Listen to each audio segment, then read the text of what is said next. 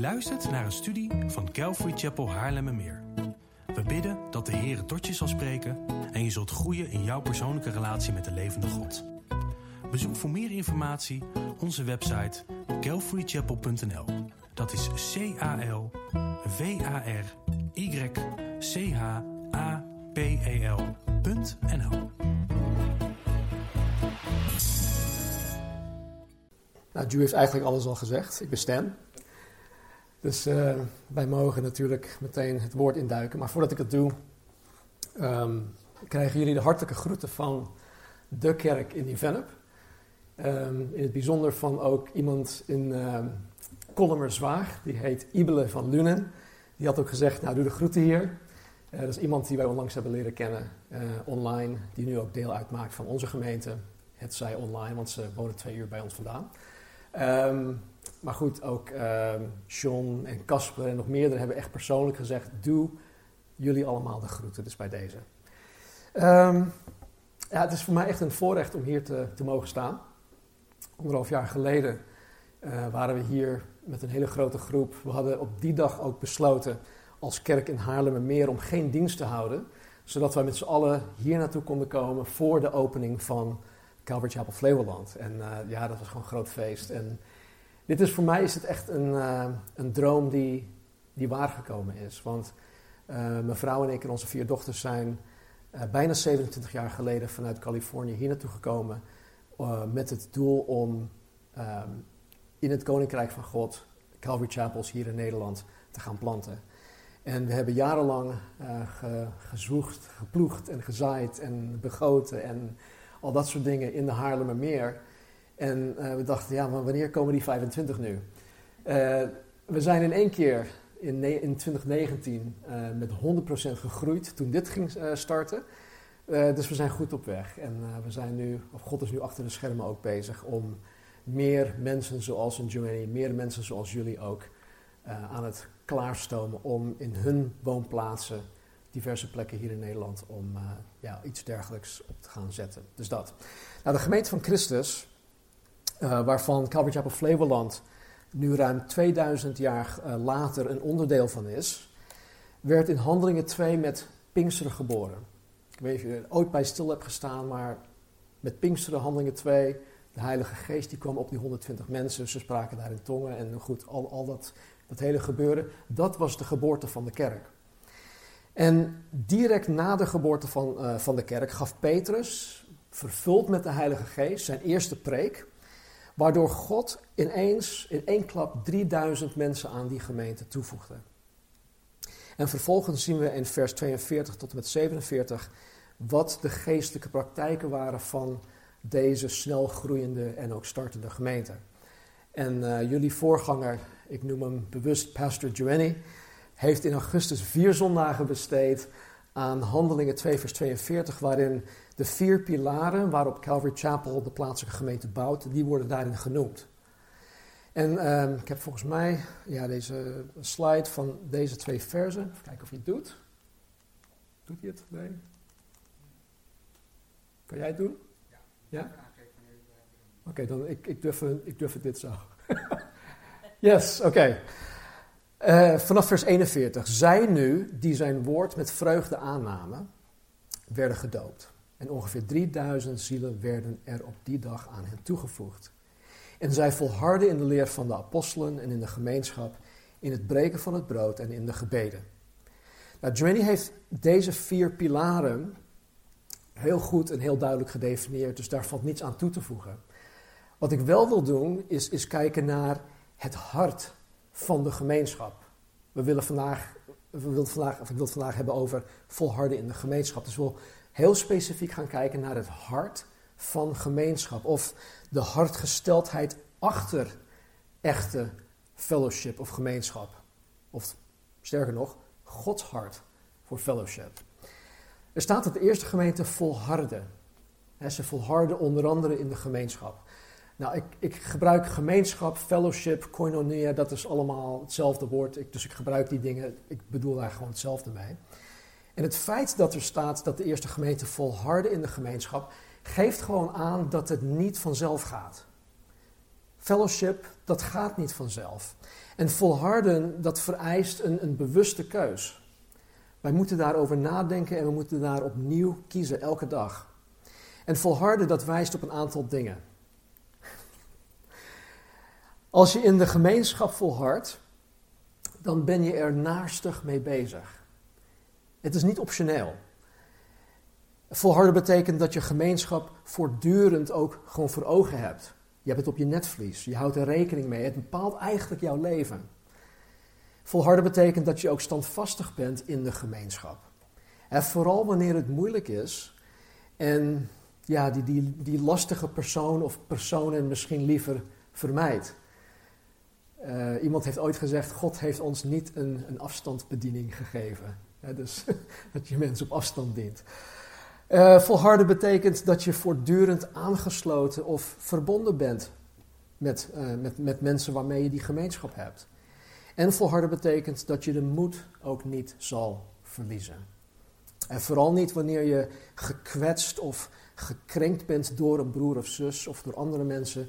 Wanneer je, met, um, ja, wanneer je bijvoorbeeld met, met iemand het niet eens bent over iets uh, wat, wat niet essentieel is. Dus echt, echt niet essentiële zaken, bijvoorbeeld voorkeuren. Mensen kunnen heel vaak gaan zeuren over dingen die gewoon persoonlijke voorkeuren zijn. Kerken zijn daardoor gesplitst door persoonlijke voorkeuren. Kortom, volharden vereist een, een, een hoge mate van, van vastberadenheid.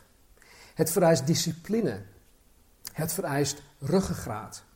Het vereist dat men wedergeboren is en vervuld is met de Heilige Geest, wat we na deze studie ook zien. Want we zullen zien dat wij dit niet kunnen zonder wedergeboren te zijn, zonder gedoopt te zijn met de Heilige Geest. En mijn hoop en gebed is dat wij vanmorgen het antwoord gaan krijgen op deze vraag. Wat moet mijn instelling, wat moet mijn houding zijn om echte fellowship met mijn broers en zussen te kunnen hebben en behouden? Oftewel, wat is de, de sleutel voor vruchtbare fellowship in deze plaatselijke gemeente. En het sleutel, het principe, dat geldt natuurlijk ook buiten deze gemeente, maar laten wij eerst hier gaan beginnen, want dit is waar het, het, echt belangrijk is. Dit is het laboratorium waarin wij mogen leren en oefenen met mensen die God hier heeft geplaatst.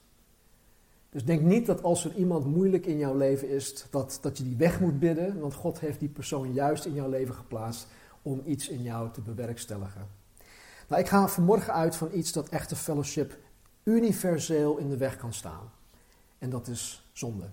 Zonde staat fellowship in de weg. Dat kan hier gebeuren, maar dat kan overal gebeuren. Er zitten zat mensen thuis die ons wekelijks ook benaderen via de online die zeggen van jongens luister, ik, ik ben al 25, 30 jaar geloof ik in Jezus Christus, maar ik kom nergens. En als je dan door gaat vragen, ja, dan ligt het aan zonde. Zonde op een of andere manier heeft hun um, ja, ertoe geleid dat ze nergens meer komen. Dat ze niet aangesloten zijn bij een plaatselijke gemeenschap. Nou, misschien is dit niet de eerste plek in de Bijbel waar je ja, naartoe zou gaan om te leren over het hart van fellowship. Maar we gaan vanmorgen kijken naar Nehemia hoofdstuk 9. Nehemia is een uh, oud-testamentisch boek, het komt na Genesis. Uh, dus even een kort, uh, uh, kort stukje achtergrond. Nehemia is het één na laatste historisch Bijbelboek. Um, en wat ik hiermee bedoel, is um, dat de geschiedenis van het Oud Testament, of het Oud-testamentisch Israël, eindigt met Nehemia 13. Dus na Nehemia hoofdstuk 13 gebeurt wat, wat, wat de geschiedenis met Israël, van Israël betreft, gebeurt niks meer. Dan zit er 400 jaar tussen waarin God helemaal niks meer doet of spreekt tot Israël. En dan komt het Nieuw Testament. Dus Nehemia is vanuit de geschiedenis het laatste Bijbelboek. Esther, dat werd ergens tussen Ezra en hoofdstuk, hoofdstuk 6 en 7 ingeschreven. En ik weet dat jullie denken van, hé hey, luister, maar ik heb na Nehemia nog zoveel bijbelboeken. En natuurlijk hebben we in onze bijbels ook nog uh, de poëtische boeken, de grote profeten en de kleine profeten. Maar behalve Job zouden wij al deze boeken als een laag um, bovenop Samuel, Koningen, Kroniken, Ezra, Nehemia en Esther kunnen leggen. Want deze boeken werden ook in die periode, in die tijd, voor die mensen en tot die mensen geschreven. Dus dat zouden we ook gewoon zo kunnen doen. Dus als je denkt van, joh, de Bijbel is zo groot, 39 bij, eh, boeken in het Oude Testament, daar kom ik nooit doorheen. Als je dat in behapbare stukjes plaatst van um, uh, de Torah, geschiedenis, de, grote profeten, de poëtische boeken, grote profeten, kleine profeten, dan is dat veel meer behapbaar. Dan is het ook veel meer toegankelijk om het, het, te lezen en te zien. Nou, aan het einde van twee kronieken werd Jeruzalem door koning Nebukadnezar van Babel geheel verwoest. Jeruzalem, de stad, de stadsmuur, de tempel van koning Salomo, werd met de grond gelijk gemaakt. Het werd afgebrand, er, er was gewoon niks meer van over. Ook werden de, de, de meest vooraanstaande gezinnen van Juda weggevoerd. Ze werden weggevoerd naar Babel en zij bleven daar 70 jaar lang. En dat waren dan de ballingen. En de ballingschap van Juda, dat 70 jaar lang duurde, had God reeds voorspeld. Waarom? Omdat Juda uiteindelijk God niet gehoorzaamde. Ze hadden ja, lak aan God op een gegeven moment. En zowel Jesaja als ook Jeremia hadden Juda hiervoor gewaarschuwd. Maar wat gebeurde er? Ze luisterden gewoon niet. Het ging hierin en hier weer uit en ze deden gewoon hun eigen ding. Nou, en toen de jaren, die 70 jaren voorbij waren, gebruikte God een zekere Nehemia om de gemeenschap van Juda terug te brengen naar Jeruzalem. Om onder andere de stadsmuur eh, te herbouwen, maar vooral om het volk geestelijk te herstellen. Nou, wat ik heel, heel bijzonder vind, is dat er naar inschatting misschien twee, tussen 2 en 3 miljoen mensen in Babel waren, Joden. En er slechts rond 50.000 Joden terugkeerden naar Jeruzalem. Al die anderen die, ja, die vonden het gewoon prima om in Babel te wonen. Ze hadden zich daar gevestigd en ze hadden verder niks met, met hun godsdienst. Um, dus ja, er waren heel veel Joden ook die, die dan terugkwamen, die eigenlijk um, niets van de Bijbel kenden. Want ze mochten daar hun, hun, hun, godsdienst niet uitoefenen. En ze hadden al die tijd gewoon niks met, met, met de Bijbel gedaan. En um, dus even om een heel lang verhaal kort te maken. In hoofdstuk 8 van Nehemia lezen wij dat uh, nadat alle bouwwerkzaamheden klaar waren, dat heel het volk zich op een plein verzamelde er staat er, ze verzamelden zich als één man, dus ze waren allemaal eens, eensgezind. En dat een zekere Ezra, de priester, samen met een groep levieten de Bijbel opende. En luister dit, ze openden de Bijbel van zonsopgang tot aan eind van de middag. dat ze dat voorlazen. En dan staat er dit in uh, Nehemia 8, uh, 9 tot en met 13. Zij lazen uit het boek voor, uit de wet van God, gaven uitleg en verklaarden de betekenis, zodat men de voorlezing begreep. En Nehemia, Ezra en de Levieten, die het volk onderwezen, zeiden tegen heel het volk: Deze dag is heilig voor de Heere uw God. Rouw dan niet en huil niet. Heel het volk huilde namelijk toen ze de woorden van de wet hoorden. Verder zei hij tegen hen: Ga, eet lekkernijen en drink zoete dranken en deel uit aan hen voor wie niets is klaargemaakt. Want deze dag is heilig voor onze Heer. Wees niet bedroefd, want de vreugde van de Heer, dat is uw kracht. De levieten deden heel het volk zwijgen door te zeggen: Wees stil, want deze dag is heilig. Wees daarom niet bedroefd. Toen ging al het volk weg om te eten en te drinken, om uit te delen en grote vreugde te bedrijven, want zij hadden de woorden begrepen die men hun bekend had gemaakt tot zover. Nou, dit is wat er gebeurde, wat ik net had voorgelezen. Nadat de, ik noem ze even voorgangers, nadat de voorgangers in de gemeente het woord van God aan hen verklaarden. En het gevolg van het begrijpen van het woord van God was dat zij tot het besef kwamen dat zij dingen met God recht moeten gaan zetten. Door onder andere hun zonde te gaan beleiden en zich te gaan bekeren. En ik weet niet wie, wie van jullie de studie van Handelingen uh, tot nu toe hebben gevolgd, maar dit klinkt heel veel op Handelingen 2, nadat Petrus zijn preek gaf. Wat zeiden die mensen? Wat moeten wij doen? Oeps, iets is uitgevallen. Is uit? Is uit. Hij is uit.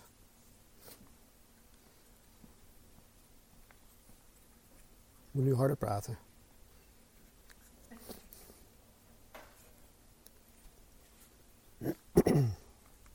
Ik heb batterij in mijn tas.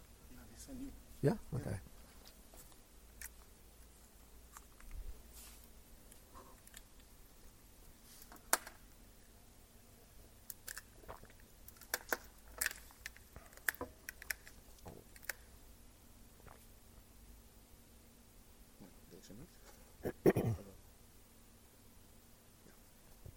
Ja? Oké.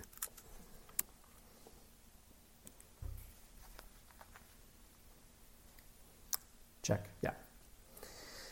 Ehm, goed, er lijkt heel veel op handelingen. Wat moesten wij doen, mannenbroeders? Dat, dat was de respons van die 3000 mensen die in Handelingen 2 werden gedoopt. En wat mij opvalt is dat uh, deze gemeenschap van Israëlieten dusdanig diep in hun harten waren getroffen, simpelweg door het verklaren van het woord van God. Ezra en de Levieten openden het woord, ze verklaarden het woord zodat de mensen het konden snappen. En zij werden dusdanig diep in hun harten getroffen dat zij wisten: ik moet iets met God doen. En dit had niet alleen in hoofdstuk 8 een positieve uitwerking, dit werkte door. En dat gaan we zo meteen ook gaan lezen. Nou, met, met dit dan even als achtergrond, laten we kijken naar wat er vervolgens in Nehemia 9 gebeurt. Uh, versen 4 tot en met 38, dat is bijna het hele hoofdstuk, vormen het langste gebed in de Bijbel. En het is tegelijk een, een beknopte samenvatting van alles dat God uh, gedaan heeft vanaf de schepping tot aan de tijd van Nehemia. En wat eruit springt is, is hoe goed, hoe liefdevol, hoe trouw, hoe uh, geduldig en genadig en barmhartig en, en vergevingsgezind God voor meer dan duizend jaar lang geweest is jegens Israël. En helaas hebben we nu niet de tijd om het hele gebed te lezen. Maar ik wil je aanraden om het zeker een keer op je eigen tijd te gaan lezen. En let vooral op over wie het gebed gaat. Er staat meer dan 90 keer u en u, dus hoofdletter U en hoofdletter UW. Het gebed is echt gericht op God.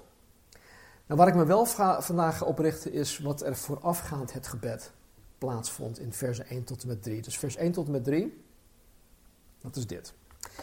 Op de 24ste dag van deze maand verzamelden de Israëlieten zich met vasten en in rouwgewaden, met aarde op hun hoofd. En het nageslacht van Israël zonderde zich af van alle vreemdelingen. Ze gingen staan en beleden hun zonden en de ongerechtigheden van hun vaderen. Nadat zij op hun plaats waren gaan staan, lazen zij voor uit het wetboek van de Heere hun God gedurende een vierde deel van de dag. En op een ander vierde deel van de dag deden zij beleidenis en bogen zich neer voor de Heere hun God. Tot zover. Dus nadat zij gevierd hadden in hoofdstuk 8, gingen zij de volgende dag vasten. En zij vasten dan niet alleen, maar zij trokken ook nog eens um, rouwgewaden aan. En, en ze gooiden aarde op hun hoofden. Deze rouwgewaden, dat waren veel, die waren veelal gemaakt van een, een, een, stofsoort dat van geitenhaar gemaakt was. Het was ruw, het was stug, het jeukte wanneer je het aantrok, het, het, het maakte je huid schraal. Het was gewoon, on, het was niet comfortabel. Het was zeker niet te vergelijken met wat Joanny zo mooi zegt, zachte kleding. Het was gewoon verschrikkelijk. En, ze deden dit om, om aan te tonen dat zij zich voor God vernederden. Dat zij zichzelf verlogenden en dat zij berouwvol waren over hun eigen zonde en over de zonde van hun vaderen. En om het helemaal af te maken, gooiden zij ook nog eens aarde of stof op hun eigen hoofden. In deze gemeente, waar we het nu over lezen, ging het hen niet om hun eigen gemak. Het ging hen niet om hun eigen comfort. Ze waren bezig met een, een hoger doel. En vervolgens gingen ze staan en hadden een Bijbelstudie van ruim drie uur lang. En daarna beleden zij hun zonde voor nog ruim drie uur lang. En ook de, uh, voor hun eigen zonde en ook de ongerechtigheden of de zonde van hun voorouders. Nou, wat mij hierin het meest boeit, en mij dan tegelijkertijd ook uitdaagt, is het feit dat zij niet alleen hun eigen zonde hadden beleden, maar ook die van hun vaderen. Ook die van hun voorouders. En de reden waarom ik dit uitdagend vind, is, is omdat zij de schuld voor de zonde van hun vaderen en voorouders op zich namen. Dit waren zonden waar zij persoonlijk niet voor, uh, verantwoordelijk voor waren. En zonden waar zij zelf persoonlijk gewoon niets mee te maken hadden. En hierin zie ik dan de grootheid van het hart van God. En tegelijk ook een onmisbaar principe voor fellowship.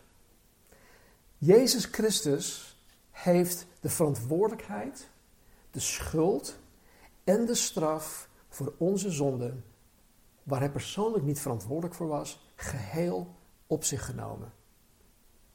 Al onze zonden heeft Jezus op zich genomen.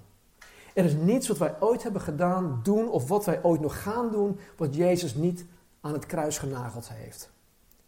Er staat in 2 Korinthe 5, vers 21. Uh, eh, Christus, die geen zonde heeft gekend, heeft God voor ons tot zonde gemaakt. Dus God heeft Christus een zondaar gemaakt door onze zonde op zich te leggen.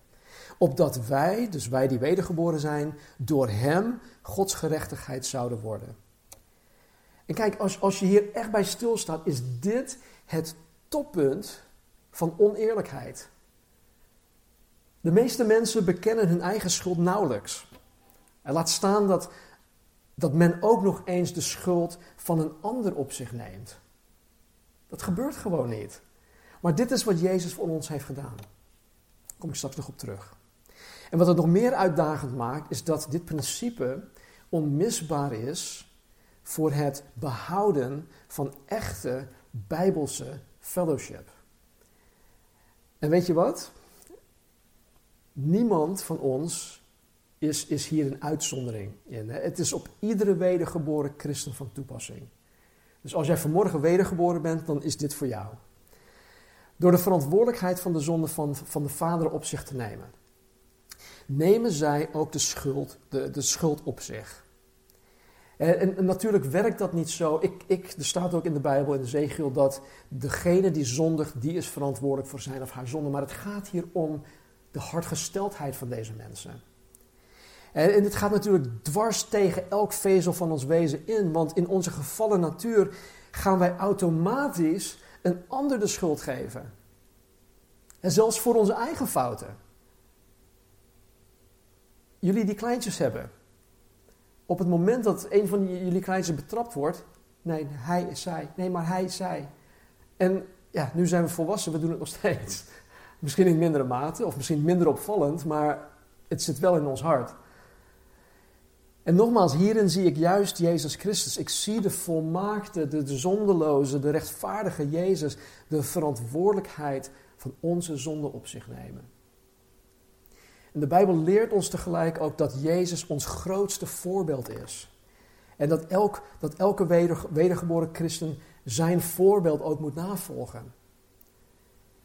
En ja, de vraag is, is hoe dan? Hoe doen wij dit? Hoe volgen wij Jezus na in dit opzicht?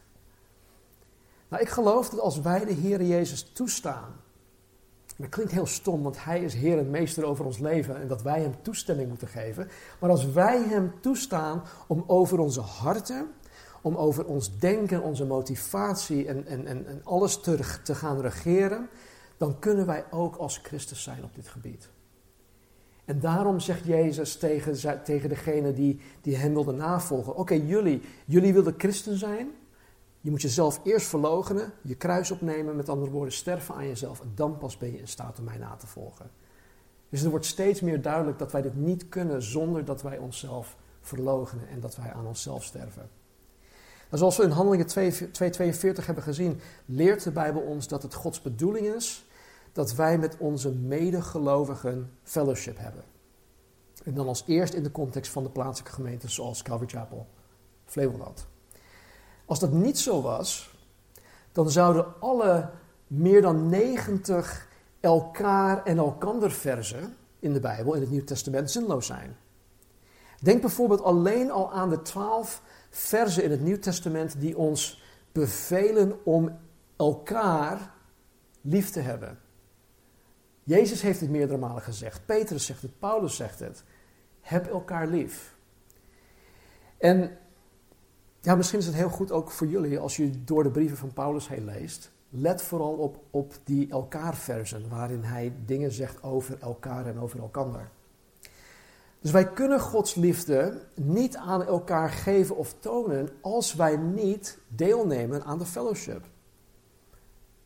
Mensen die wij, waarmee we in contact eh, komen uh, online, die zeggen heel vaak, ja, ik heb geen fellowship meer. Ik volg studies online op YouTube, of ik volg jullie studies of, of jullie studies. En die blijven gewoon thuis. Die hebben geen contact, die hebben geen aansluiting met de plaatselijke gemeente. Maar dat is niet bijbels. God wil juist dat wij verbonden zijn aan Hem en ook aan elkaar. En fellowship houdt praktisch in dat broers en zussen elkaars leven met elkaar delen. Nou, nu is het hele gebeuren rondom COVID-19 natuurlijk, ja, dat heeft dat element een stuk lastiger gemaakt. Maar God wil nog steeds dat wij ons leven met elkaar delen. En dit betekent dat wij geestelijke relaties met onze broers en zussen aangaan. Dat wij aan deze relaties bouwen en dat wij deze relaties vooral blijven koesteren. Want ze zijn kostbaar. En dit moeten we nooit ervaren als een moedje. dit is een voorrecht en het is door God aan ons gegeven. Dit soort geestelijke relaties zijn naast een man-vrouw relatie de meest intieme relaties die, menselijk, die mensen mogelijk zijn. Daarom uh, hamerde John MacArthur ook al die maanden erop van jongens, we moeten samenkomen. Want de geestelijke relaties die wij onderling hebben, dat zijn, wat ik net zei, naast man-vrouw relatie, de meest intieme relaties die hier op aarde aan deze kant van de eeuwigheid mogelijk zijn. En dit niveau van relaties is nergens in de wereld mogelijk. Waarom? Omdat de wereld niet in staat is om mensen onvoorwaardelijk lief te hebben. Dat kan, dat kan alleen een wedergeboren, heilige geest vervulde discipel van Jezus Christus. En niet voor niets zei Jezus dit tegen zijn discipelen. Aan jullie liefde voor elkaar zal iedereen zien dat jullie mijn discipelen zijn. Ehm, de volgende. Ja, toch? Ja. Aan jullie liefde voor elkaar zal iedereen zien dat jullie mijn discipelen zijn.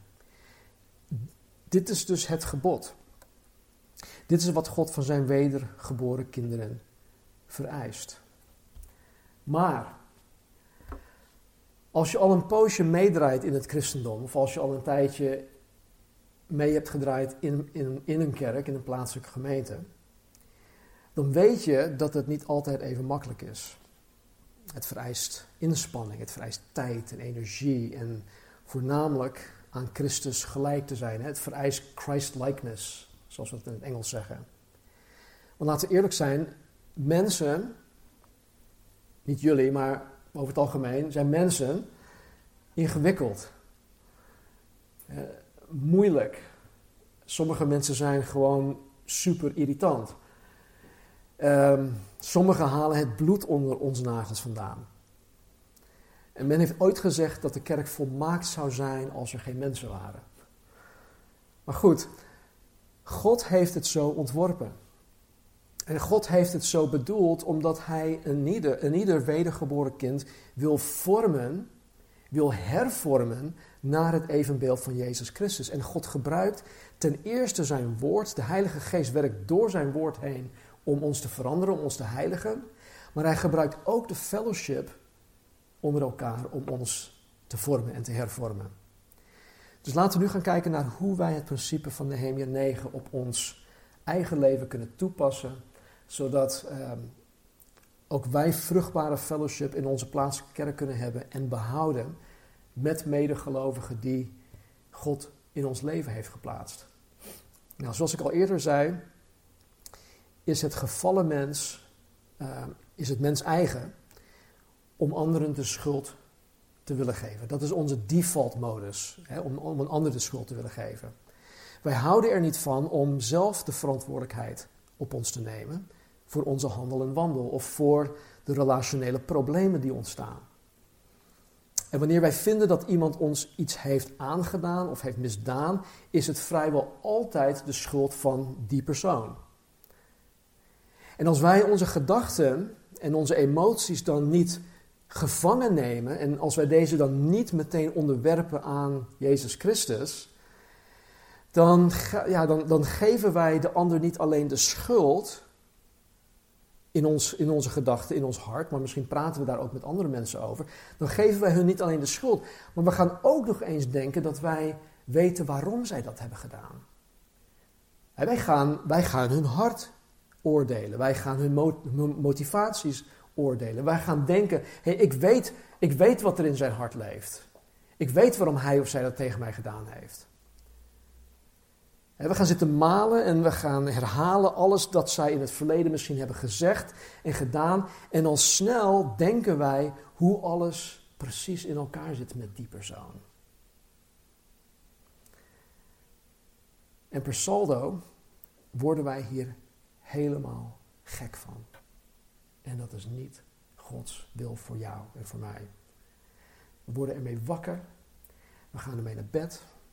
Want deze persoon die zit nu in ons hoofd. En weet je wat? De Satan heeft nu de vrije loop om met onze gedachten en om met onze emoties te gaan spelen. En dit kan soms eindeloos lang doorgaan. En soms leidt het zelfs tot het verlaten van een plaatselijke kerk. Erger nog, een kerkscheuring. Maar de Bijbel geeft ons gelukkig een, een zeer eenvoudige remedie. God maakt het ons echt makkelijk. Als wij doen wat Jezus vraagt, jezelf verloochenen, sterven aan jezelf en Hem navolgen. Als we dat niet doen, dan is dit gewoon onmogelijk. Maar voor degenen die dit wel doen, is het gewoon zo simpel. Ja? Oké. Het is een eenvoudig idee. Het is een eenvoudig concept, maar voor de meeste van ons is het om verschillende redenen uiterst moeilijk om het in de praktijk toe te passen. Dat geef ik zelf ook toe. En in uh, Matthäus 18, vers 15 geeft, hij, uh, geeft Jezus ons um, één, één helft van de remedie. Jezus zegt, als uw broeder, en broeder, zuster, dat maakt niet uit, het is uitwisselbaar. Als uw broeder tegen u gezondigd heeft, ga naar hem toe en wijs hem terecht tussen u en hem alleen. En als hij naar u luistert, hebt u uw broeder gewonnen. Tot zover. Jezus geeft ons in dit vers de goddelijke, de hemelse remedie voor elke situatie waarin wij vinden dat een broer of zus ons iets heeft aangedaan. En de oplossing, wat is die oplossing? Om naar die persoon, naar die broer of zus toe te gaan om met hem of haar onder vier ogen te gaan praten. Er zijn nog andere stappen hierna, maar ik wil het vandaag bij deze stap laten. Want ik denk dat 99% van ons dit al heel moeilijk vinden. Dus we moeten gaan om met die persoon onder vier ogen te gaan praten. En Jezus zei dat wij die persoon moeten aanspreken op zijn of haar fout. Of wat wij denken, wat wij vinden dat die persoon fout heeft gedaan. En dit betekent dat wij de waarheid in liefde moeten spreken. In Efeze 4, vers 15 volgens mij, in de Willybord vertaling, staat dat wij de waarheid in liefde moeten spreken. En ja, dat betekent dat wij dit in alle zachtmoedigheid doen, want het doel van dit gesprek is herstel. Het doel van dit gesprek is, is verzoening. Dus zeg alsjeblieft niet iets dat hem of haar ja, zou kunnen ophitsen. Uh, wees, wees tactvol, wees geduldig of, wees ook zorgvuldig en bedachtzaam in het kiezen van je woorden. Denk vooral ook aan je toon. Vaak is het niet wat je zegt, maar hoe je het zegt. En, en dat zijn allemaal dingen waar wij, waar wij zelf iets aan kunnen doen. Wees gewoon nederig van hart. Maar ik denk dat het, dat het op dit punt is waar het voor de meeste mensen uiterst of uiterst moeilijk wordt om dit toe te passen. Ten eerste, de meeste van ons zouden de situatie het liefst op zijn beloop laten. En met de hoop dat het vanzelf wel weer overgaat. Ten tweede, velen van ons weten überhaupt niet eens hoe wij met zo'n situatie om horen te gaan op een goddelijke wijze. Daar is niks mis mee, want daar hebben we elkaar voor om dat te leren. Dus wat doen wij? Wij, wij vermijden de confrontatie en als gevolg gaan wij die persoon ook vermijden. als we dan naar de eredienst komen en als wij die persoon ergens in, in de zaal zien, dan doen we er alles aan om zoveel mogelijk met andere mensen in gesprek te gaan. dan, hoeven we niet naar die persoon te kijken. Dan vermijden we die persoon. Maar Jezus beveelt ons om naar die persoon toe te gaan. Om onder vier ogen te gaan praten. En als wij dit nalaten, dan zijn wij Christus ongehoorzaam. Wij kunnen Jezus hierin niet ongehoorzaam zijn en tegelijkertijd in de eredienst zingen: Heer, ik geef u mijn hart, ik geef u mijn ziel, ik leef alleen voor u, leid de weg die ik ga, elk moment dat ik besta. Heer, doe uw wil in mij. Dat, dat kan niet. Dat kan echt niet. Dus om vruchtbare fellowship te hebben en, en dat te behouden, moeten wij Jezus hierin gehoorzamen. En als iemand jou heeft benadeeld, als iemand jou iets heeft aangedaan, dan is het jouw door God gegeven verantwoordelijkheid om naar die persoon toe te gaan, om te gaan praten, zodat ook de Satan geneutraliseerd wordt in deze situatie. Je schakelt Satan uit door met die persoon te praten. Want zolang je dat niet doet, gaat hij met jouw gedachten, met jouw emoties spelen en ook met van die anderen. En dan, wordt het van kwaad tot erger. Het tweede onderdeel van de remedie lijkt veel op de eerste. Dus laten we kijken naar Matthäus 5. Er staat: Als u dan uw gave op het altaar offert. en u zich daar herinnert dat uw broeder iets tegen u heeft. laat uw gave daar bij het altaar achter en ga heen. Verzoen u eerst met uw broeder en kom dan terug en offer uw gave. Nou, het offeren van zo'n gave op het altaar spreekt van aanbidding. En Jezus spreekt hier nog steeds in oud-testamentische termen. Want nu, hè, anno 2020, aanbidden wij God in geest en waarheid. Wat betekent dat wij God met ons hele leven aanbidden. Overal waar we zijn, dat maakt niet uit. Wij kunnen, wij kunnen God overal en altijd aanbidden. Ons leven is een aanbidding tot God. En hiermee leert Jezus ons dus dat wanneer jij op, wel, op, op, op welk moment dan ook tot het besef komt dat een zekere broer of zus wellicht iets tegen jou heeft.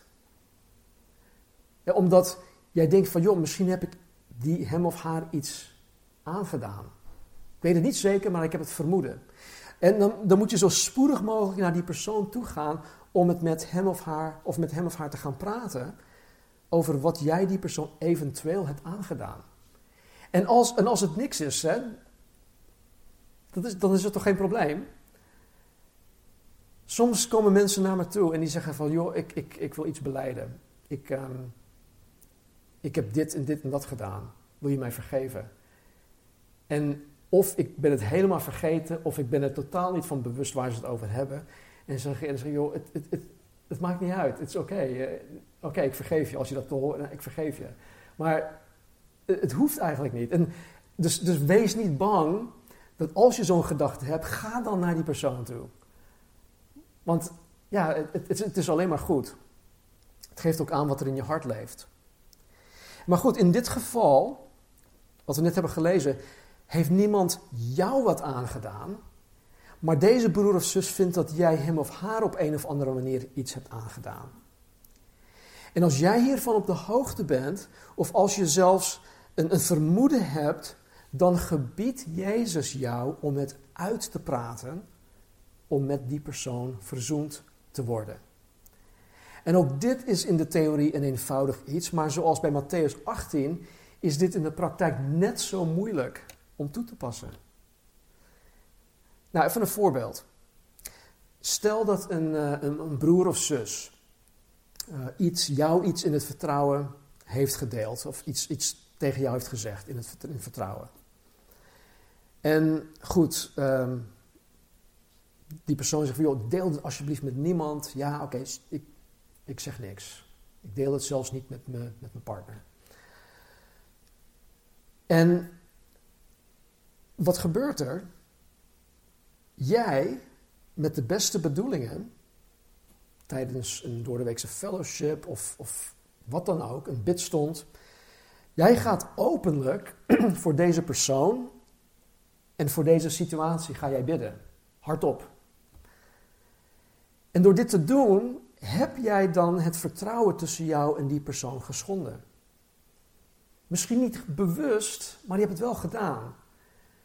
Met de beste bedoelingen, met de beste intenties. Jij hebt wat alleen aan jou persoonlijk is toevertrouwd, dus openbaar gemaakt. En omdat mensen dan praten, komt die persoon te weten dat jij zijn of haar persoon en situatie openlijk met de fellowshipgroep hebt gedeeld. En nu weet die persoon dat jij het vertrouwen hebt geschonden. En vindt dat jij tegen hem of haar heeft gezondigd. Maar om een of andere reden, waarschijnlijk omdat het zo moeilijk is, volgt die persoon niet de voorschriften van Jezus in Matthäus 18. Deze persoon gaat dus niet naar jou toe om dat op te lossen. En als gevolg blijft die situatie gewoon niet opgelost. En ineens merk je dat die persoon niet meer reageert op je telefoontjes. Of op je berichtjes. Of misschien heeft die persoon een nieuw telefoonnummer aangevraagd. En ze vinden je post op social media niet meer leuk. Je wordt gewoon door hun geghost. Om in moderne termen. Maar je, maar je weet dus niet dat die persoon weet dat je de vertrouwelijkheid hebt geschonden. Dus jij vraagt je nu af wat er aan de hand is met die persoon. Er is duidelijk een disconnect, maar je weet niet wat er gaande is.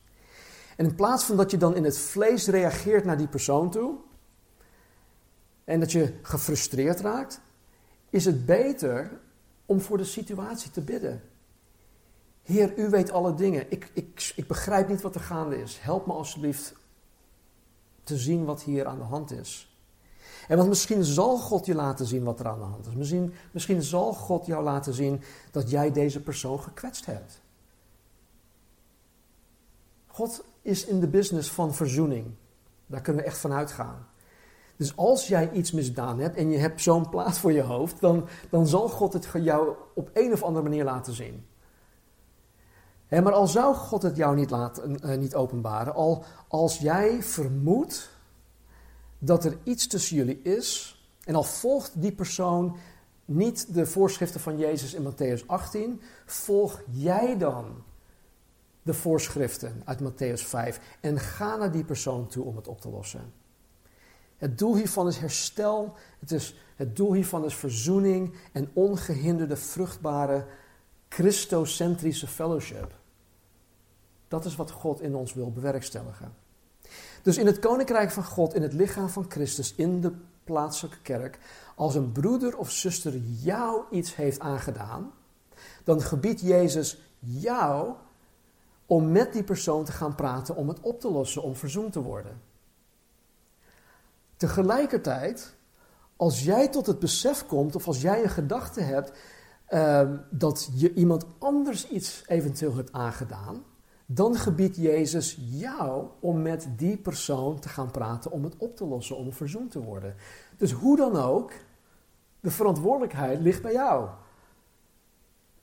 Ja, maar hij dan. Nee, Jezus heeft niks aan ja maar dus wij moeten gewoon doen wat Jezus van ons vraagt. Nou, praktisch gezien gebiedt Jezus ons om te gaan.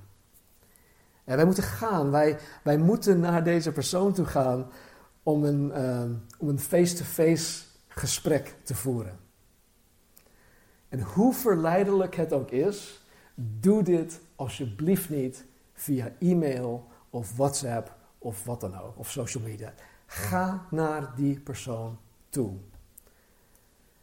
En het, weet je, het maakt Jezus echt niets uit wie schuldig is.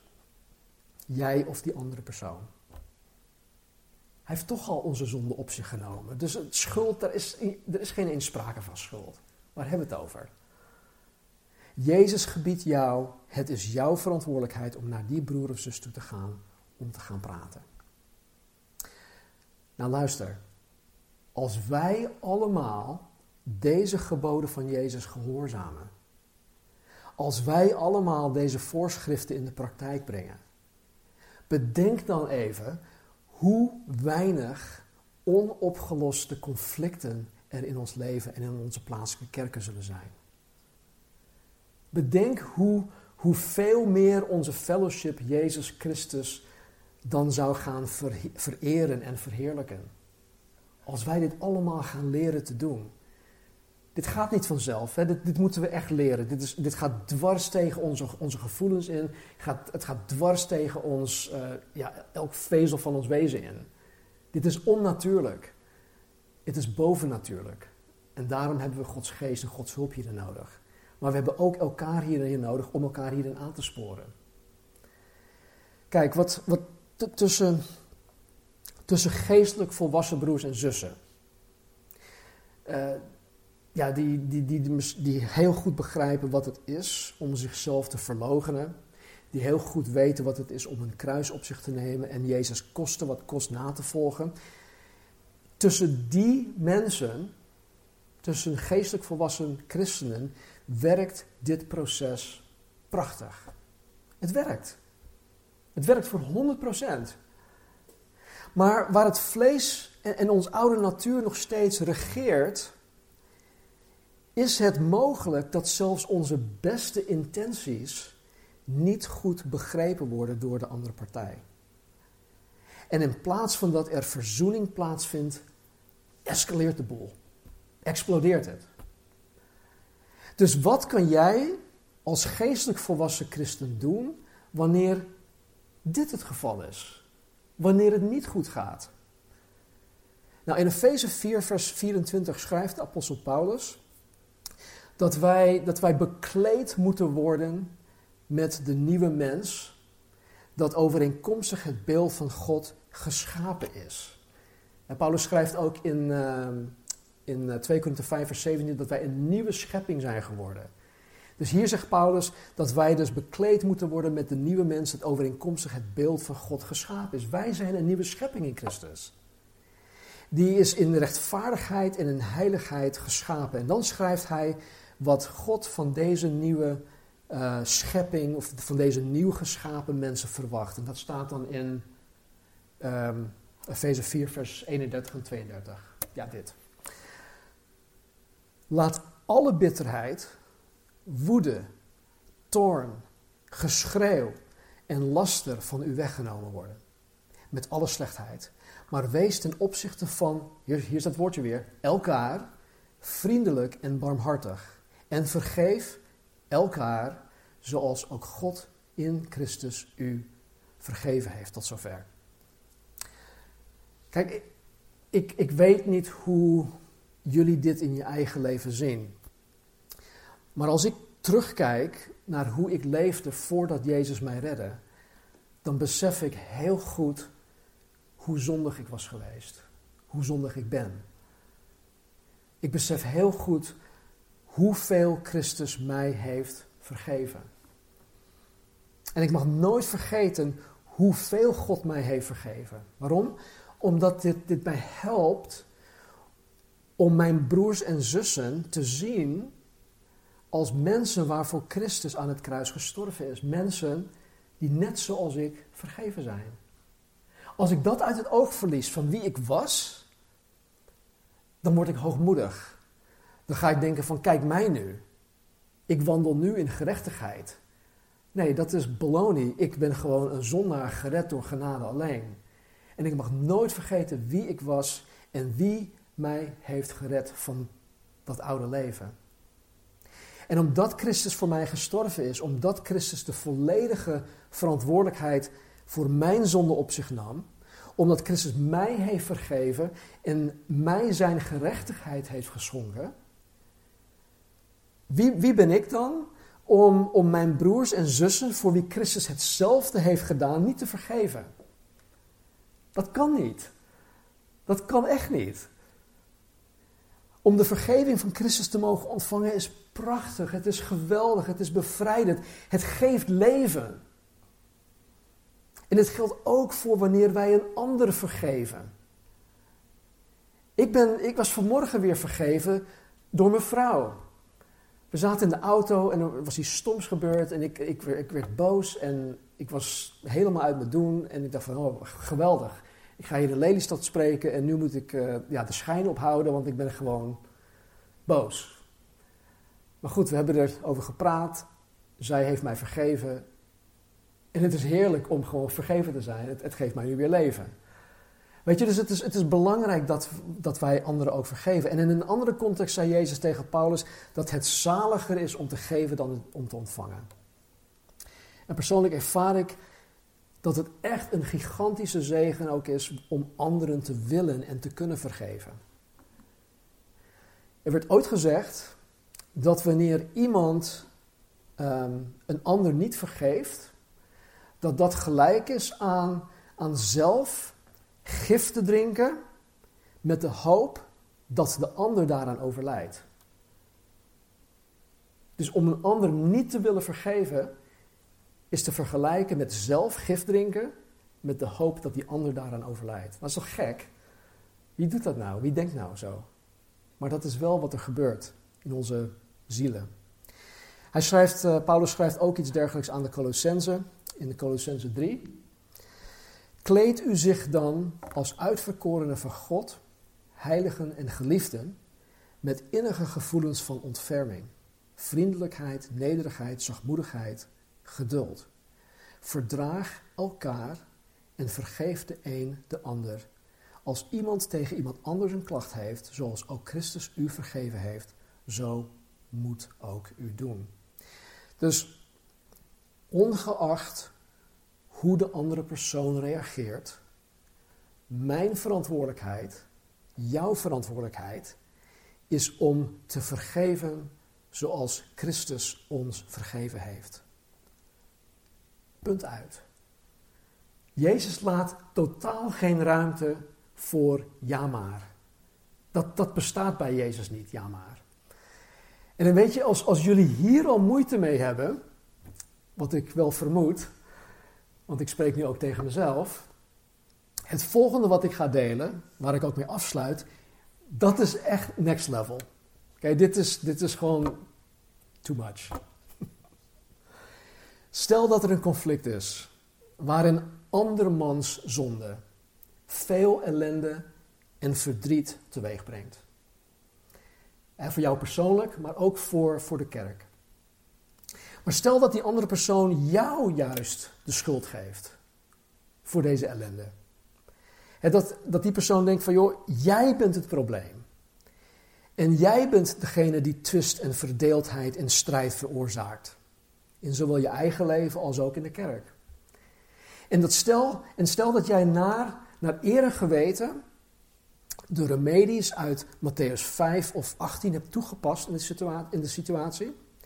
Maar de persoon de personen in kwestie blijven er onterecht op staan dat jij het probleem bent. Het is feitelijk hun zonde, hun zonde dat alle problemen veroorzaakt, maar zij blijven jou onterecht de schuld geven. Wat nu? Wat, wat gaan we nu doen? Hoe herstel je in zo'n situatie dan de fellowship? Nou, dit is waar het principe uit Nehemia 9 aan bod komt. De kinderen van Israël, die namen de verantwoordelijkheid van de zonden van hun vaderen op zich. Zonden waarvoor zij persoonlijk niet verantwoordelijk waren. En wij, wij kunnen, ik denk zelfs dat wij dat moeten, wij kunnen hetzelfde principe toepassen op een dergelijke situatie die ik zojuist net, die ik zojuist schetste dat iemand jou de schuld geeft. En in plaats van dat wij onszelf dan gaan verdedigen, in plaats van dat wij onszelf gaan rechtvaardigen of ons onschuld gaan bepleiten, in plaats van dat wij de andere partij of zelfs de kerk proberen te overtuigen van onze intenties en onze motivaties en dat we allemaal goed bedoelden, is het in sommige gevallen, niet alle, maar sommige, het beste om gewoon niets over die situatie te zeggen. Om gewoon je mond te houden. En dan niet alleen dat, maar dan alles bij de Heer neer te leggen. Bij Hem kan je alles kwijt. Ik heb wel eens momenten gehad dat het, dat het me zo moeilijk werd gemaakt dat ik naar het strand toe ging. Dat de windkracht 5, 6 of 7 was op het strand. En ik gewoon hardop zat te brullen tegen de Heer. Het uitschreeuwde. Ook dat is een hele goede exercitie trouwens, als je dat kan. Als je de mogelijkheid hebt. Maar geef het aan Hem. Hij, hij wil het horen. En soms vraagt de situatie erom naar wat het beste is voor het algemeen belang, oftewel voor het, het hoger doel. En soms betekent dit dat jij en ik de verantwoordelijkheid op ons moeten nemen voor het kwaad dat anderen gedaan hebben. Weet je, geloof mij, dit voelt zo ontzettend fout. Het voelt zo oneerlijk en zo onrechtvaardig. Het gaat dwars tegen alles in wat wij geloven juist te zijn. Maar dit is precies wat Jezus Christus deed. En op het moment dat jij vrijwillig besluit om de zondebok te zijn, dan zal de Heer zelf heel dicht bij jou zijn. Gegarandeerd. Want hij weet als geen ander wat het is om door zo'n situatie heen te gaan. En hoe oneerlijk en onrechtvaardig het ook voelt, moeten wij, koste wat kost, begrijpen dat God eerlijk en rechtvaardig is. En dat Hij mateloos van ons houdt. En dat God altijd het allerbeste met ons voor heeft. Wanneer wij onszelf op deze wijze voor God vernederen, zal Hij ons verhogen. De belofte in Jacobus hoofdstuk 4. Verneder jezelf en Hij zal je verhogen. Verneder jezelf voor God.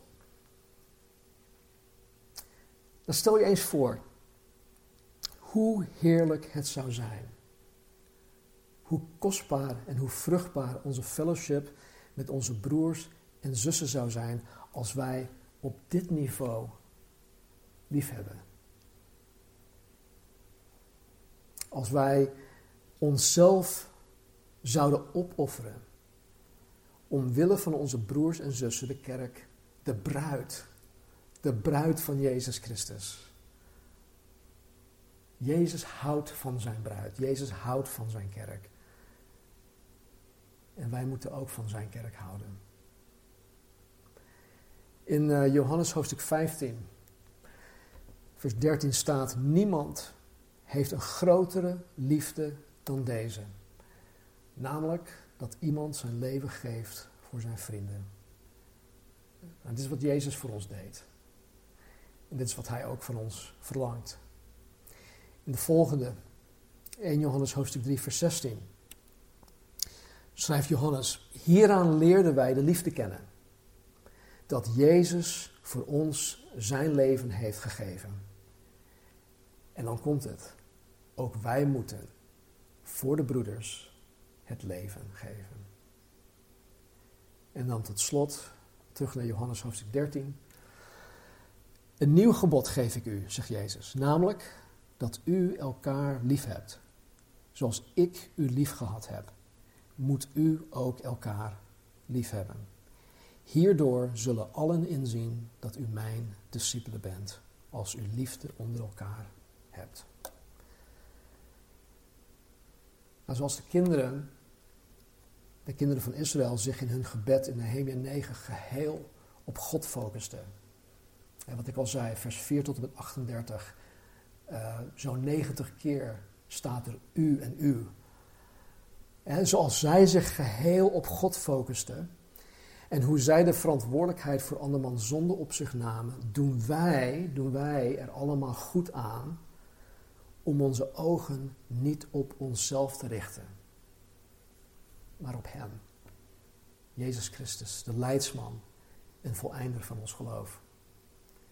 Wij doen er goed aan om onze blik gericht te houden op het kruis om onze levens neer te leggen omwille van Jezus, zijn bruid. Of omwille van Jezus en zijn bruid. En zijn bruid voor wie hij aan het kruis gestorven is.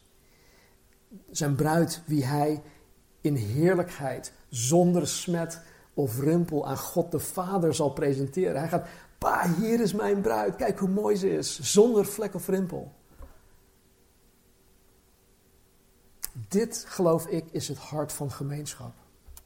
Dit is de hartgesteldheid achter echte fellowship. En ik geloof dat dit het hart van God is voor wat betreft fellowship. Jezus heeft zichzelf tot het uiterste gegeven om fellowship überhaupt mogelijk te maken. Er is dus geen ruimte in de kerk van Jezus Christus voor ja maar. Laten we bidden. Heer God, dank u wel dat u ons uw woord hebt gegeven. Zowel het levende woord, Jezus Christus, als ook het geschreven woord, de Bijbel. Dank u wel dat u ja, de veertig auteurs hebt gebruikt. Dat u hen hebt geïnspireerd om al deze dingen vast te leggen.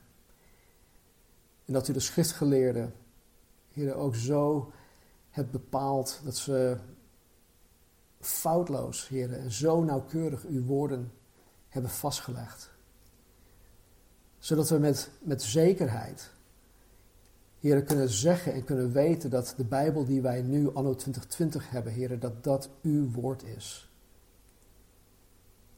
Dus heren, dank u wel dat uw woord ons ook sterkt en bepaalt, confronteert, ons ook, ons, uh, ons ook instrueert Heer, help ons. Wat wij vandaag besproken hebben, Heer, dat is menselijk gezien is dat gewoon onmogelijk. Want in onze gevallen natuur zijn wij allemaal egocentrisch, zijn we allemaal egoïsten. Dus Heer, er moet iets bovennatuurlijk in ons gebeuren om dit te kunnen doen. Dus vader, ik bid u, ik smeek u, Heer, help een ieder van ons alstublieft om dit te zijn, dit te kunnen doen zodat Jezus Christus in ons, onder ons en door ons heen verheerlijkt zal worden. Help ons, Heer, we kunnen dit niet zonder U. Vader, ik bid ook in het bijzonder voor uh, de situatie rondom uh, ja, degene die nu uh, zacht uitgedrukt niet zo blij zijn met Juweli en met de Calvary Chapel Flevoland.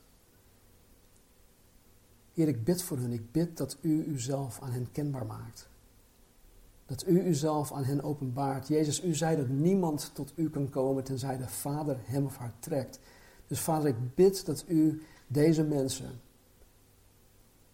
zal trekken naar Jezus Christus toe.